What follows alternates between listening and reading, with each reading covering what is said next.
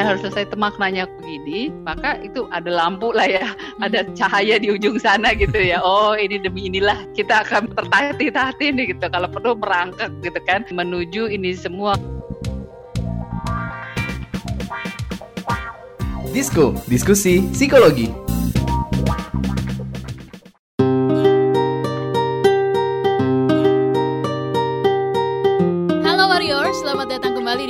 Podcast Disco Diskusi Psikologi Persembahan Into the Light Indonesia. Hapus stigma, peduli sesama, sayangi jiwa. Gue Naomi. Halo, ada gua Bijar di sini lagi nih. Wow, gimana kabar Bija? Baik, baik. Cerah ya? Cerah, Ceria? insya Allah. Banget. Gak yakin sih tapi.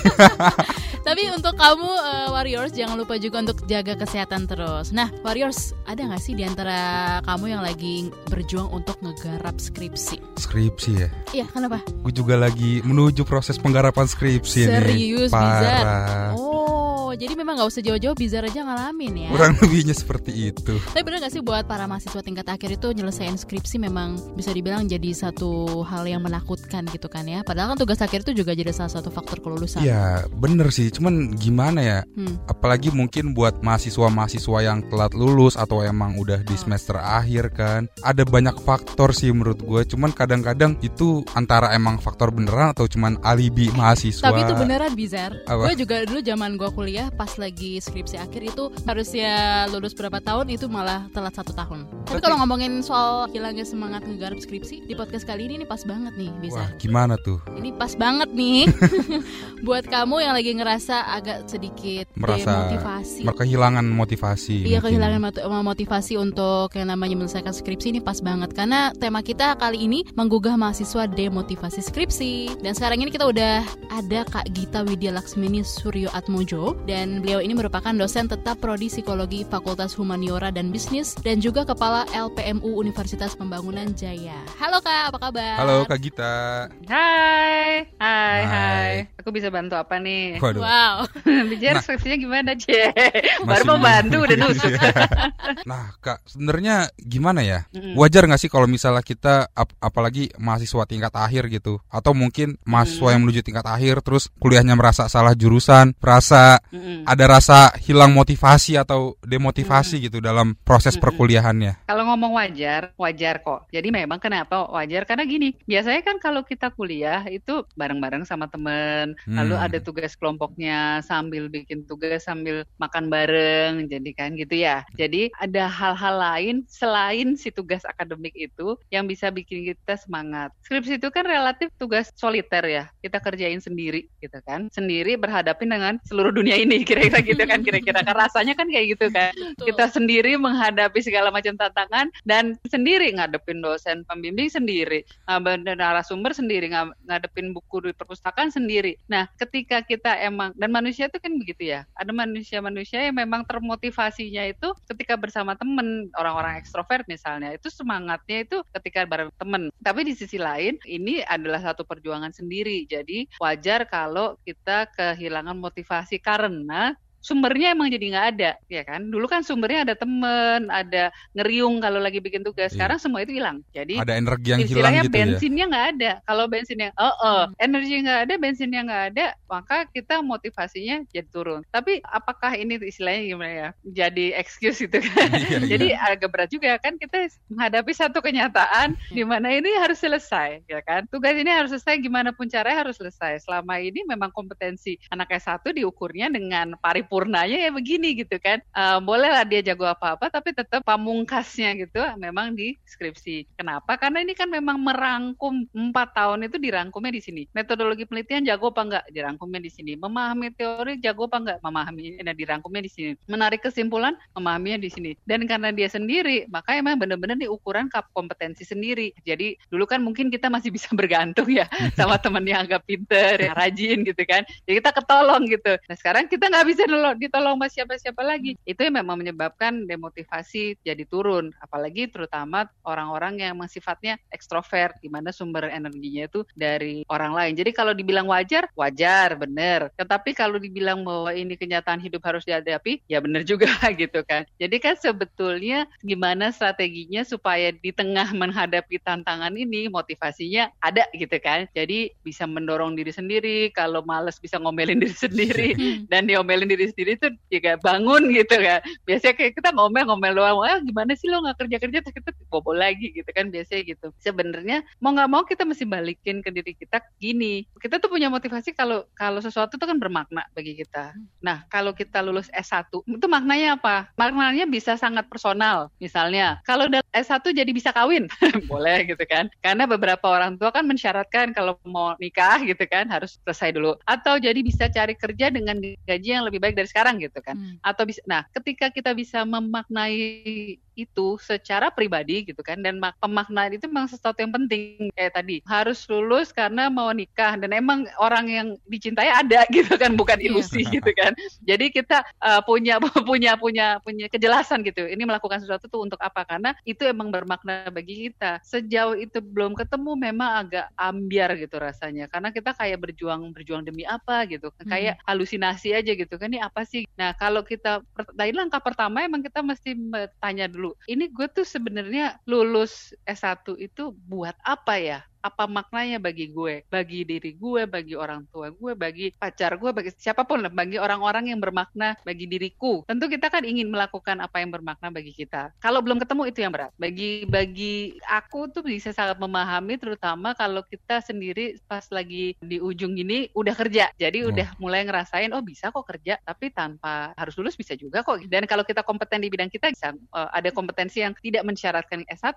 kita tetap jago. Jadi kita makin nggak punya motivasi. Itu memang aku merasakan sendiri karena waktu aku kuliah juga aku sambil kerja. Jadi aku paham tuh bagaimana motivasi itu istilahnya jadi buyar gitu kan. Tetapi kalau itu dibalikin lagi, ini kita harus selesai dan harus selesai itu maknanya begini, maka itu ada ada lampu lah ya, ada cahaya di ujung sana gitu ya. Oh, ini demi inilah kita akan ber, men- bertertatih-tatih nih gitu. Kalau perlu merangkak gitu kan me- menuju ini semua karena kita ada cahaya di ujung sana yang ingin kita ambil. Nah, cahaya itu memang harus dihidupin dulu. Kalau nggak ada, terang agak sah. Nah, kalau udah ada sebetulnya kita jadi lebih gampang dalam tanda kutip. Aku ingin begini, tinggal ditambahin tanggal berapa, waktunya kapan. Kalau udah tanggal berapa waktunya kapan, udah deh keluarin deh tuh kalender, hitung mundur. Mau nggak mau kan gitu kan. Dengan begitu langsung kita jelas bab satu kapan kelar, bab dua kapan kelar, ngambil data kapan gitu. Karena ada tujuan yang dicapai pada time frame tertentu. Memang kalau itu belum ada, itu agak berat. Tapi kan sekarang gini, kalau misalnya itu nggak dijalanin, nanti apa apakah DO gitu kan?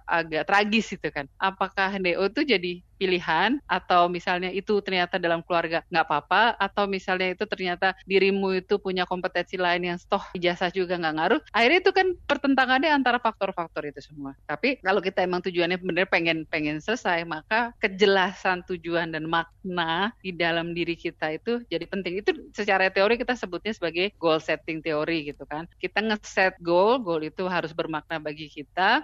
Setelah itu bermakna bagi kita dan orang-orang yang berarti pada kita, kita set timeline itu namanya goal setting. Habis itu kita tinggal melangkah. Kayaknya sih gampang ya gitu kan. Hmm. Dan kita biasanya kan kalau lagi kawinan, ntar ditanya nih, kapan lulusnya, skripsinya udah sampai mana gitu kan. Nah itu dia itu tuh. agak agak pedih gitu kan ya Hmm. rasanya kok kayak ada luka gitu itu di, di- kayak dikucurin jeruk nipis itu kan kayak kita kalau di film-film tuh lagi disiksa gitu kan kok segitu amat tapi sebenarnya kenapa buat kita tuh rasanya nyiksa kan sebenarnya mm, kalau Hmm. dipikir-pikir kita sebenarnya ingin menyenangkan mereka ya sebenarnya Mm-mm. Nah, ketika mereka itu mengi- mengingatkan itu, kita jadi teringat atas kegagalan kita untuk bisa menyenangkan mereka. Sebenarnya mereka juga ingin menyatakan harapan mereka pada kita. Jadi sebenarnya salah apa enggak ya ya sebenarnya paling gampang ya kalau mau nggak ditanya lagi diselesain emang emang mau nggak mau harus diselesain. Nah motivasi yang dari luar itu sebenarnya bisa jadi memicu, tetapi memang nggak boleh di nggak bisa dipungkiri motivasi dari dalam yang paling kuat. Itu kan yang paling tadi, kuat itu adalah motivasi dari dalam diri Iya, gitu kan. bener. Sebelum kita lanjut lagi ngobrolnya, kita jeda dulu ya. Disco akan kembali setelah pesan-pesan berikut. Disko, diskusi psikologi. Oke Google, cariin apa yang lagi trending sekarang dong. Yang lagi viral, yang lagi hits. Aduh kamu ini tahunya cuma nyur doang. Lah, dia nolak. Aku bilangin Siri nih. Ya sudah-sudah jangan ngambek dong. Kamu cukup buka KBR Prime titik ide, lalu cari what's trending. Semua dibahas tuntas dengan narasumber yang kredibel, jadi bisa buat referensi kamu. Wah iya nih, keren banget ya.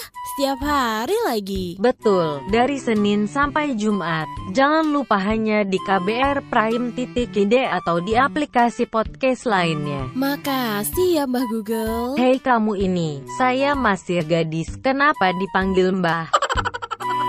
KBR Prime, podcast for curious mind. Anda sering gelisah, tidak bisa tidur nyenyak, selalu merasa ada yang merasuki pikiran Anda.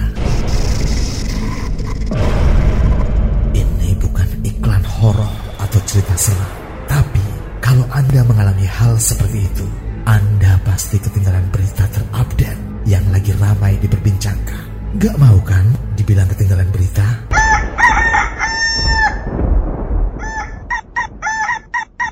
Makanya dengerin KBR Pagi, siaran pagi radio paling update, menghadirkan narasumber yang terpercaya dan kredibel. Banyak lagu-lagu dari zaman old sampai zaman now. Setiap hari Senin sampai dengan Jumat, mulai pukul 7 sampai 8 waktu Indonesia Barat. Bisa didengerin dari Aceh hingga Papua. Cukup satu jam saja untuk membuat kamu tetap update. Woi, ayam siapa nih? Berisik, saya mau dengerin kabar pagi. Disko, diskusi psikologi. Kembali lagi dalam Disko, diskusi psikologi. Soal goal setting ya Mbak ya, itu seperti apa sih Iya, Mbak? Apa uh, harus dirinci di satu agenda supaya kita ingat? Kadang kita juga agenda kita nggak buka-buka juga. Gimana Mbak ya biar bisa benar, benar, mengarahkan benar. diri kita mau seperti itu kan niatan dari diri Iya benar, benar sebenarnya benar kan. benar. Jadi gini, eh, orang di mana-mana kan pengen mencapai satu tujuan dan kalau tujuan itu semakin jelas semakin oke. Kayak kayak misalnya nih, yuk kita makan siang yuk di Iya. sini gitu kan Hmm. jelas kan. Betul. Ya, jam makan siang tinggal setengah jam lagi gitu misalnya udah jelas. Jadi mudah gitu kan. Yuk yuk yuk. Tapi kalau tujuan itu ngerambyang, misalnya saya ingin menjadi pemuda yang berbakti pada dosa bangsa, eh, itu kan apa? Semakin dia ngerambyang, semakin susah memang untuk diraih. Itu jelas lah teori di mana-mana menyatakan seperti itu. Jadi semakin dia konkret dan semakin dia bermakna, maka dia jadi lebih mudah untuk diraih gitu kan. Hmm. Karena kayak gini loh, you can actually smell it gitu lah kayak gini. Teori goal setting memang menyatakan semakin konkret, semakin benar-benar istilah bahkan divisualisasikan tuh bisa, itu semakin besar motivasi kita. Hmm. Makanya misalnya con- eh, ini contoh satu hal tapi sedikit beda. Gini, pada masyarakat menengah bawah, kadang-kadang kepikiran untuk sukses tuh itu suka gerambyang. Cuma gini, pengen jadi orang yang berhasil, pengen anakku lebih baik dari nasibnya dari aku. Hmm. Oke gitu. Tapi susah. Kayak misalnya gini, biasanya tuh dirinci, kita mau punya uang berapa di bulan ini? Oh, tanggal segini untuk bisa bayar uang sekolah anak saya gini-gini. Nah, ketika udah bahkan rupiahnya clear, dia menabung pun jadi lebih jelas. Itu semua membuktikan bahwa kalau semakin clear goalnya, semakin kita bisa tulis, semakin kita bisa ngelihat seluruh indrawi kita tuh kayak bisa teraktivasi gitu. Itu semakin kuat Hmm. motivasi kita karena goal itu nggak cuma sesuatu yang abstrak. Jadi kalau si skripsi itu emang mesti dijembrengin. Aku mau buat skripsi ini tanggal segini supaya gitu. Bahkan beberapa mahasiswa gitu yang pernah aku hadapin itu memang menaruh jadwal itu di dinding gitu misalnya. Pokoknya tanggal segini gue harus lulus. Terus kan misalnya apalagi kalau ada temennya juga udah pernah lulus, dia pasang itu foto temennya itu sebagai istilahnya membuat dia semakin menyiksa dirinya gitu kan, sehingga dia harus lulus pada semester berikutnya karena dia nggak mau, dia udah keburu kesalip sama teman yang ini dia nggak mau yang lain. Gini, kita semua itu sebetulnya perlu mengenali diri kita apa yang kita butuhkan. Nah itu kemudian kita mesti bisa nyampain ke orang-orang yang berarti pada kita. Kayak misalnya gini, kalau kita tahu kita tuh orang yang introvert, sementara kita punya orang-orang yang kita sayang dan orang-orang itu ternyata pengen spending waktu sama kita padahal kita itu butuh waktu sendiri. Yang kita lakukan adalah bilang, aku itu butuh recharge dulu sendiri. Nah, aku boleh ya sendiri setengah jam nanti habis itu aku bareng sama kamu. Itu misalnya gitu. Tapi ini kelemahannya. Kelemahannya kita kadang nggak tahu diri kita sendiri. Itu. Jadi kita harus nanya dulu sama diri kita sendiri. Sebenarnya apa sih yang gue ini butuhkan? Apakah gue butuh ada orang yang misalnya kamu bisa? Oke okay, gitu kan. Aku percaya sama kamu. Jika memang itu yang dibutuhkan maka kita ngomong lah pah mah sayang gitu apa misalnya pacar. Yang aku butuh tuh dalam situasi kayak gini itu jangan ditanya-tanyain tapi tolong bilang aku percaya sama kamu kamu selesaiin nah itu memang proses ini nih proses yang nggak mudah. Hmm. dan di budaya kita tuh jarang terjadi jujur aja. Karena orang tua akan memainkan peran sebagai orang tua yang mereka mungkin taunya begitu gitu kan dari sepanjang hidup mereka juga. Dan pacar kekasih itu juga segala macam kan juga berangkat dari latar belakang budaya yang kurang lebih kira-kira begitu gitu. nah kadang-kadang kita pun juga nggak tahu yang kita perlu tuh apa itu yang kadang-kadang susahnya di situ. Ini proses skripsi itu memang proses yang sebenarnya maknanya dalam karena ini proses sendiri dan ini proses kita juga mengenali juga diri kita sendiri lemahnya apa kurangnya apa butuhnya apa. Nah gitu tuh yang itu yang yang menyebabkan proses menyelesaikan skripsi itu kadang-kadang memang jadi emosional. Dan kadang-kadang orang menyelesaikan skripsi itu gagalnya juga gagal di emosional. Pinter pinter sebenarnya bisa kalau lihat kompetensinya uh, otaknya sih ada gitu Iya. tapi patahnya di emosi gitu karena itu exhaustive banget dan kebetulan emotional support yang dia butuhkan gak dapet terus dia mungkin merasa tabu gitu kalau mesti nangis gitu kan Nah, nah, ini memang proses-proses ini nih Dari ya. situ aja eh, cari pelarian eh, tanda kutipnya adalah mereka tuh kayak rekreasi, mungkin nonton, hangout, pokoknya cari Ya. hiburan lah. Nah itu kalau seperti itu apakah malah membuat eh, tambah berabe atau malah manjur? Soalnya biasanya Iya. gini nih di di weekend, weekend wacananya hari Senin gua produktif, produktif rebahan juga ujung-ujungnya. iya karena produktif itu nggak konkret operasional ya kan Yes. Misalnya kalau misalnya hari ini menyelesaikan satu jurnal dibaca dibuat review itu jauh lebih konkret operasional dan Iya, menyakitkan gitu kan dibanding produktif produktif produktif jelas gitu kan. Nah ini tuh sebenarnya apa uh, ini yang menyebabkan kita tuh jadi jadi sebenarnya gini relaksasi pasti penting nggak mungkin Iya. kita tuh dipaksa kerja mulu nah, karena kita bukan robot pasti butuh juga gitu. Tetapi jangan sampai itu men- me- membuat kita lari dari tujuan karena mau nggak mau emang si tujuan itu harus satu dibuat konkret operasional dulu. Tadi misalnya pengen produktif jangan produktif doang, tapi ini jurnal ini mesti selesai dibaca eh, sehingga harus ada bisa satu review dan ini bisa masuk ke bab dua. Nah itu, nah itu susah tuh ya kan. Tapi eh, ah capek nih udah deh, deh oke istirahatnya cuma sebentar karena ngasuh-ngasuh dikit habis itu harus dibaca lagi karena tujuan itu kalau misalnya nggak tercapai pada hari Senin dia akan molor ke Selasa dia akan molor lagi ke Rabu, dia akan molor lagi ke Kamis gitu kan. Dan ini nggak selesai-selesai. Eh, jadi set, eh, bukan yang nggak boleh istirahat, boleh, boleh banget. Harus malah, kalau nggak kita gila sendiri kan. Eh, dan mengerjakan skripsi itu memang tertekan kok. Jadi kita memang harus idealnya gini. Bahkan satu tujuannya itu dibuat konkret jadwalnya dibuat konkret, jadwal istirahatnya pun dimasukin ke dalam agenda supaya kita pun self care itu jadi bagian penting bagi kita. Jadi jangan kita neglect juga kan kita suka lihat ya teman-teman bikin skripsi begadang akhirnya skripsi nggak kelar sakit kuning gitu kan.